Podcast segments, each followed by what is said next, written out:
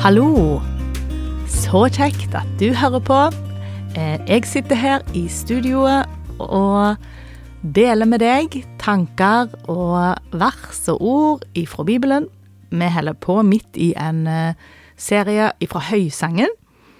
Jeg har kalt disse episodene 'Jesus som kjæreste'. Og det er litt for at jeg heller liksom på sjøl og tenker at Jesus kan være min kjæreste. Eller som min kjæreste, eller det kjæreste jeg har, eller ja.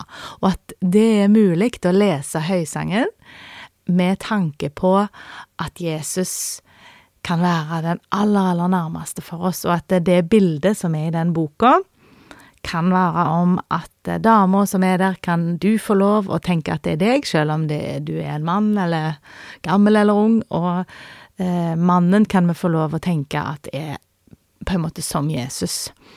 Eh, og så eh, kan vi se hvordan de versene gir mening til oss da, og prøve å finne en måte å forstå hvordan kan dette gi mening for meg i dag. Og jeg har sjøl opplevd, og opplever mens jeg holder på med dette òg, at det, det er så mye godt å oppdage her, og så mye godt å ta inn over seg, og så mye sant som jeg trenger å forstå mer og kunne dvele mer over. Og det håper jeg at du har lyst til å være med på nå. Og du, jeg vet ikke hva du gjør på akkurat nå, men jeg håper at du slapper godt av. At du kan kjenne at dette kan være en sånn pause for deg, ikke at det er noe du føler du må gjøre, men at du gjør det fordi du har lyst.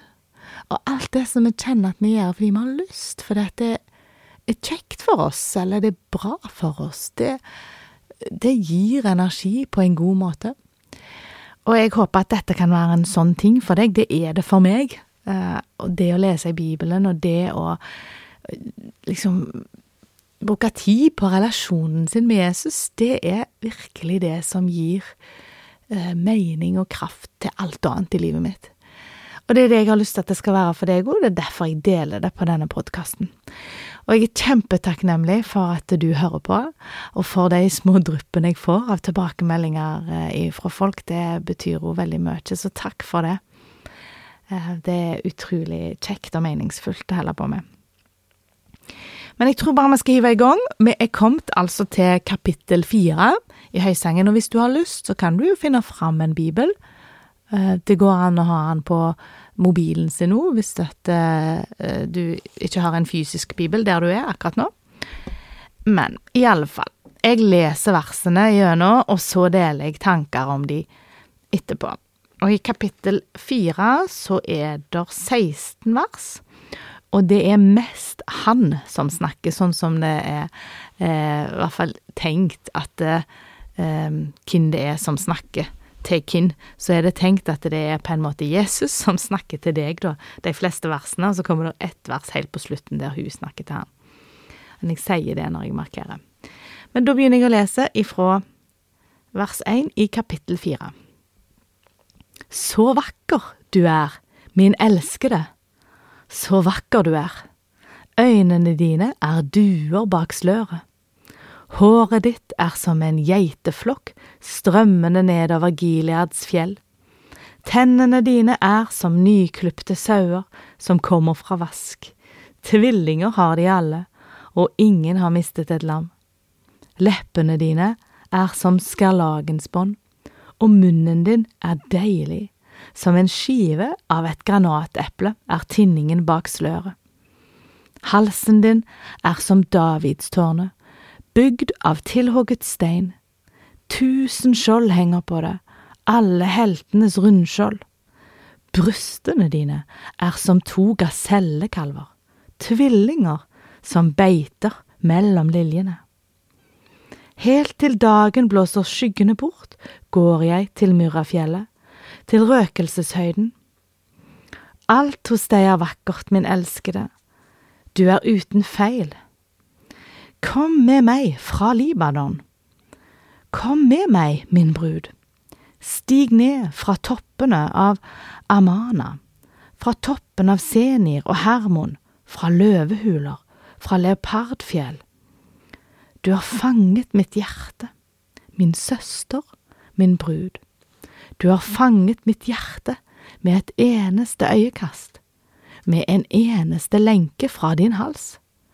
Så vakker din kjærlighet er, min søster, min brud. Din kjærlighet er bedre enn vin. Duften av oljene dine er bedre enn alle urter. Fra leppene dine drypper den fineste honning, min brud. Honning og melk er under din tunge. Duften av dine klær er som duften fra Libanon. En stengt hage er min søster, min brud. En stengt hage, en forseglet kilde. Dine vekster er en paradishage av granateple og herlig frukt. Hennabusker og nardusplanter, nardus, safran, kalmus, kanel og alle slags røkelsestrær, murra, aloe, alle de fineste urter. Du er kilden i hagen, et oppkomme med levende vann, strømmende fra Libanon. Våkn opp, nordavind. Kom, sønnavind, blås gjennom min hage, så urteduften fritt får strømme. Så er det hun, hun sier da, som har siste verset. Å, om min kjæreste ville komme til hagen og spise deilig frukt. Ja, her var det mange fine lovord, du. Mange enormt vakre beskrivelser. Eh, og jeg syns det er så fint i vers én, når Jesus da kaller meg og deg for min elskede. Og han sier at du er vakker. Dette har han sagt tidligere, men han sier det igjen i dag. Han syns at du er vakker, og han kaller deg for min elskede. Og så er det en del sånne hint nå om at hun er blitt ei brud. Han kaller henne for min brud, og øynene dine er duer bak sløret. Så vi får noen assosiasjoner til at dette er noen som skal gifte seg. Um, og at kanskje hun har pynta seg ekstra fint, siden han beskriver hvor fantastisk fin han syns hun er. Og det er gjerne litt rare bilder for oss å bli sammenlignet som nyklipte sauer og tvillinger som ikke har mista et lam, liksom, med tenner. Uh, og, og jeg, håret som en geiteflokk strømmende nedover Gileads fjell.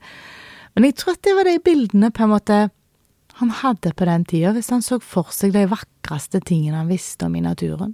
Og hvis det var de Gilead-fjellene, og at det var et vakkert syn når det kom sildrende noe ned gjennom der, og det var assosiasjoner han fikk når han så hvor fine hun var, så var jo det fine beskrivelser og flotte kompliment, egentlig. Og det er det meg og du får òg i dag ifra Jesus. Han gir flotte kompliment til oss, der han sier at han syns at eh, du er fin. Og han beskriver de ulike liksom, tingene på kroppen, øynene dine, og håret ditt, tennene dine, leppene dine, og halsen din, og brystene dine. Alt det, sier han i vers 7, alt hos deg er vakkert, min elskede, du er uten feil. Og så tenker jeg sånn, ah, nei, men det er jo ikke jeg, jeg er ikke uten feil. Så dette kan jo ikke være til meg, liksom, dette må jo være Begynner jeg med en gang med sånn å distansere meg, nei, dette kan jo ikke være. Men vet du hva, det er det. Det er sånn Jesus ser meg, og det er sånn Jesus ser deg. Han ser oss han, på en måte der han syns at alt er vakkert. Tenk det! Han elsker det han ser. Og han syns at du er fullkommen. Alt hos deg er vakkert, min elskede. Og det å få lov å se seg sjøl med Jesus sine øyne på den måten Åh, jeg ber om at jeg må få lov å tro det mer, at det virkelig er sånn, og at du må få lov å tro det, og at det er sånn. Det er sånn Jesus ser på deg. Og så vet vi at ja, det stemmer ikke at jeg er perfekt, og at alt med meg er vakkert, på en måte. Jeg, jeg vet jo at jeg um, har mange feil, at jeg faller og gjør ting som ikke var rett, og at det bor mye i meg som ikke er godt, eh, men som er rett og slett egoistisk, og som er ikke bra. Men så er det sånn Jesus ser på meg og deg. For han har, han har betalt den prisen, han, som, som det kosta det å kjøpe oss fri og det å kjøpe oss reine. Han ser ikke det lenger, for han, det er tatt bort. Det, det er ikke regna med. Det fins det ikke. Han ser det ikke fordi det fins det ikke i hans øyne. Og det er en sånn en sannhet som vi får lov å leve livene våre på bakgrunn av.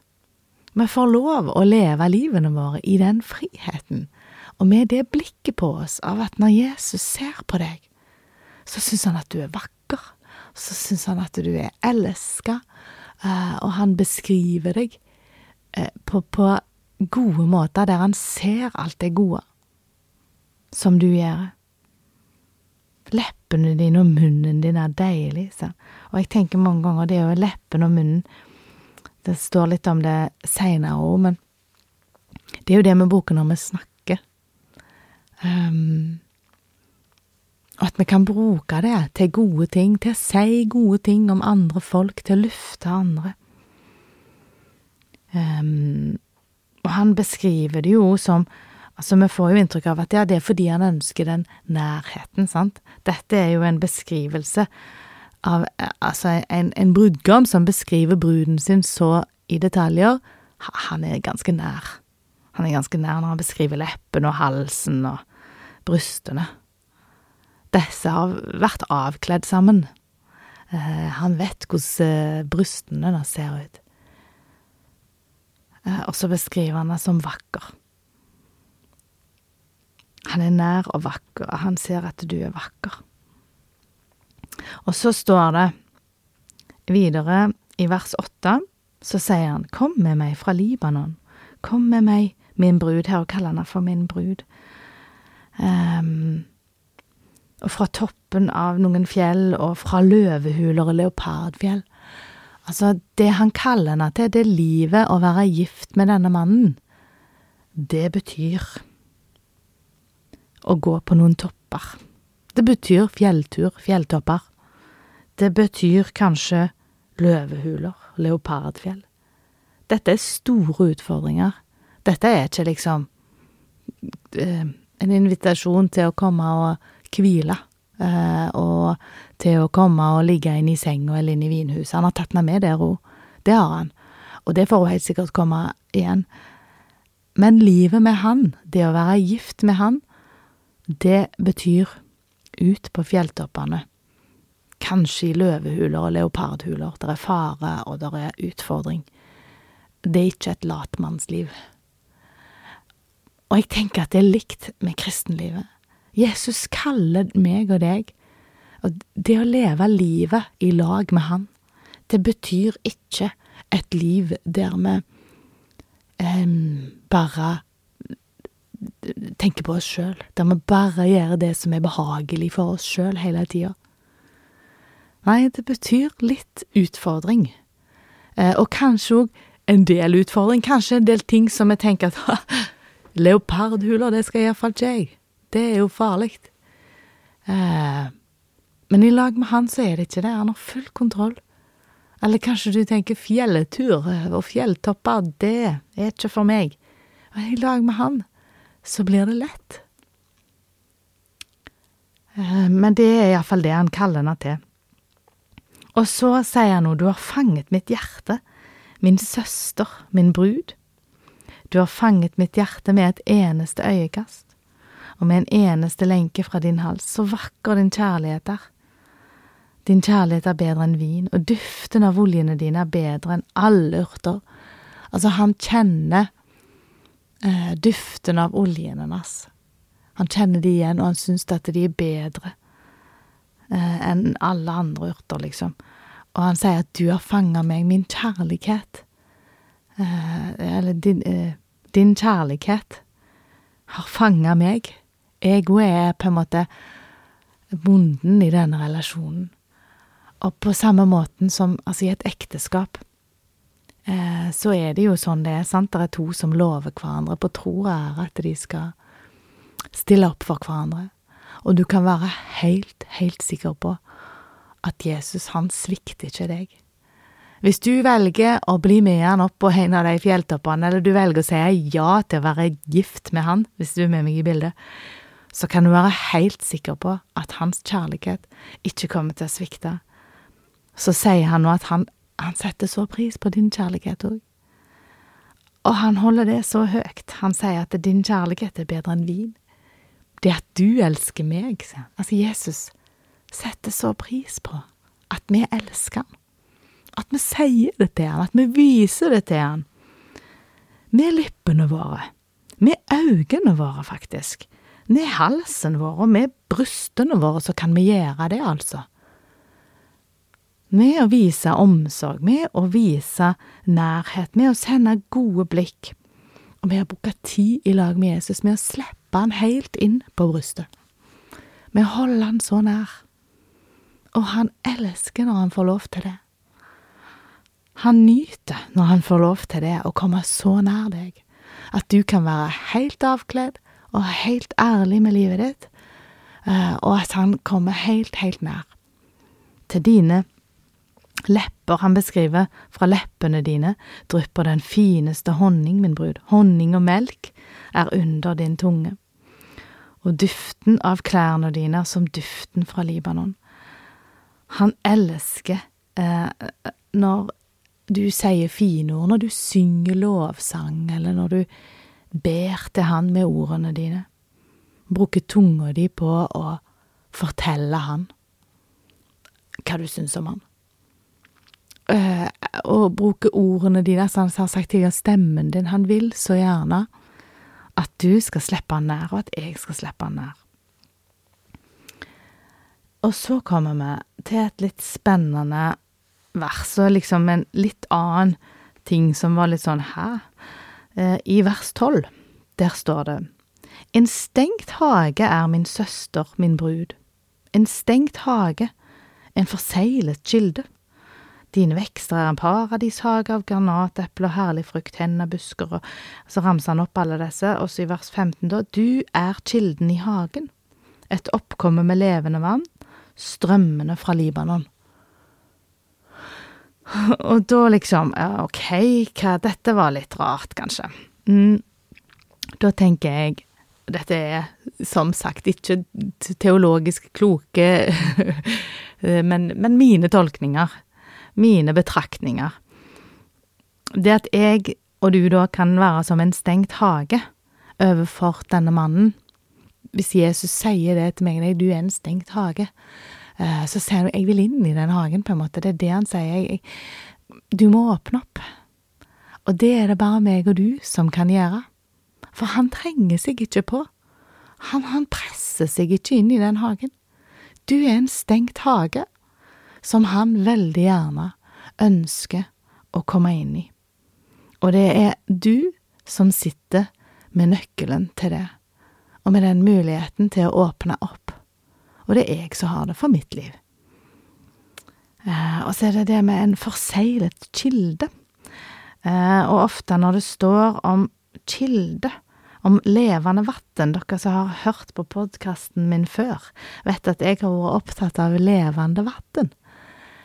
Eh, og sånn jeg forstår det, så brukes levende vann og det står noen vers, kan lese det verset det kan brukes som bilde på Den hellige ånd, det var det jeg skulle si.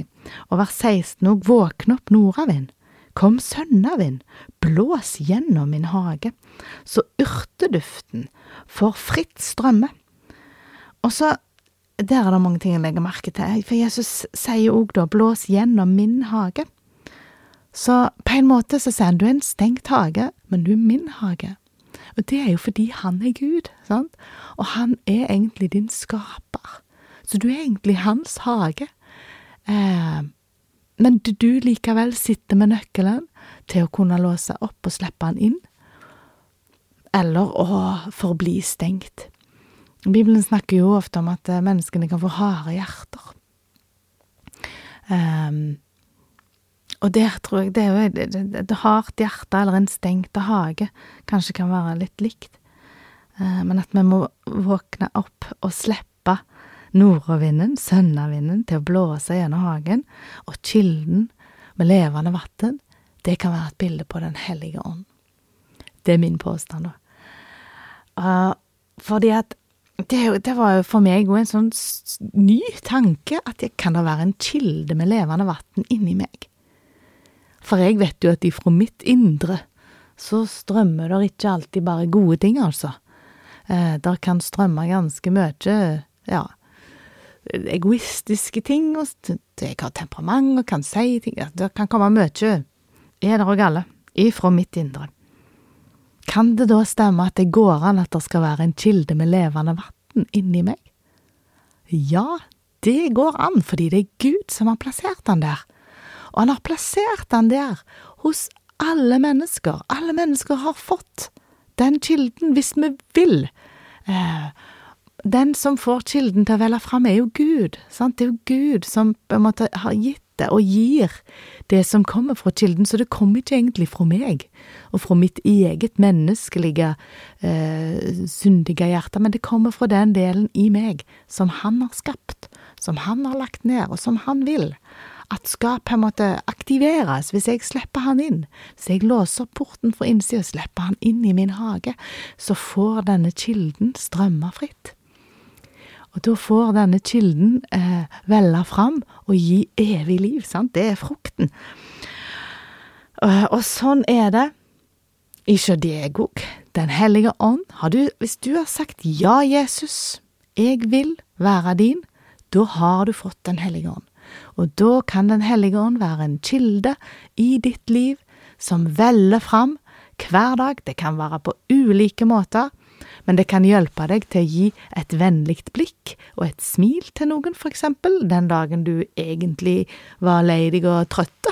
Så kunne Den hellige ånd være med å gi deg krefter til å faktisk se på noen med et vennlig blikk, eller gi et smil.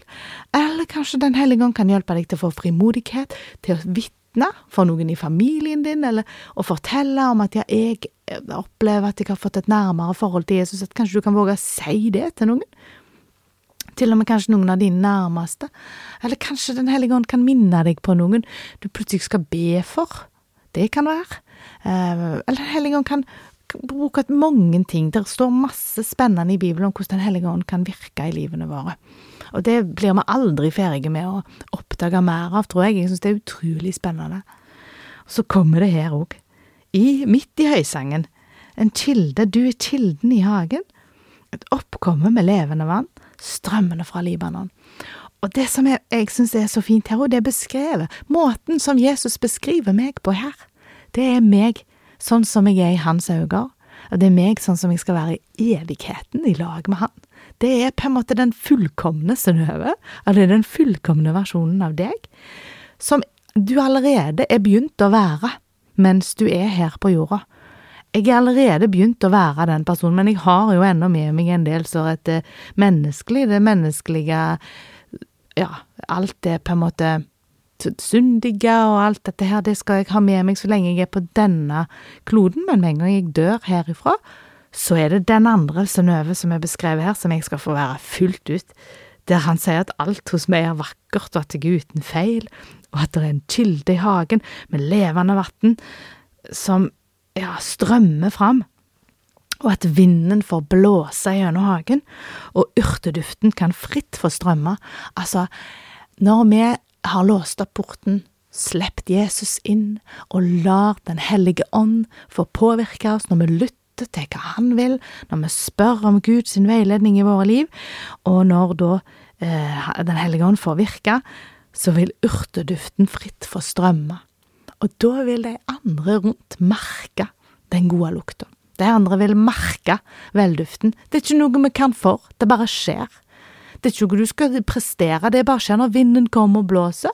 Så kjenner andre at øh, det lukter godt her. Det er Den hellige ånds gjerning. Og så er det da så utrolig fint her at hun svarer. Hun svarer så fint og sier å, om min kjæreste ville komme til hagen og spise deilig frukt. Hun låser opp og slipper han inn. Og det håper jeg sånn at vi gjør. At du våger å gjøre det, og at jeg kan våge å gjøre det.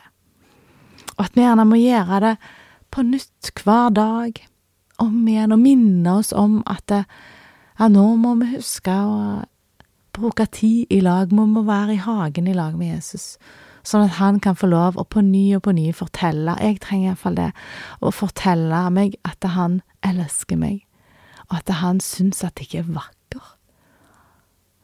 Og så må jeg jo Så jeg syns at dette kapittelet, et av de liksom heftige der det beskrevet og det som jeg sa i stad, at det, det, er veldig tydelig at dette er to personer som ønsker nærhet til hverandre, sant, og dette med begjær mellom mann og kvinne. Og det har jeg lyst til å bare bruke to minutter på å si bitte litt om at mm, det er en veldig viktig del til deg som er eh, gift, til deg som er i en sånn eh, forpliktende parrelasjon, da. Så tenker jeg at dette med nærhet er utrolig viktig, og dette med seksualitet er utrolig viktig. Og det viser Bibelen her gjennom denne boka, forteller oss om hvordan det bør være.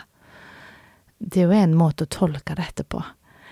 Uh, og jeg tenker at uh, jeg syns det er veldig fint å bruke det ordet med nærhet, at det, seksualitet handler om nærhet. For i vår tid så er det gjort til liksom så mye annet. Uh, eller til Det er liksom skjært vekk alt det som handler om det andre enn sex. Men det handler om så mye mer enn sex.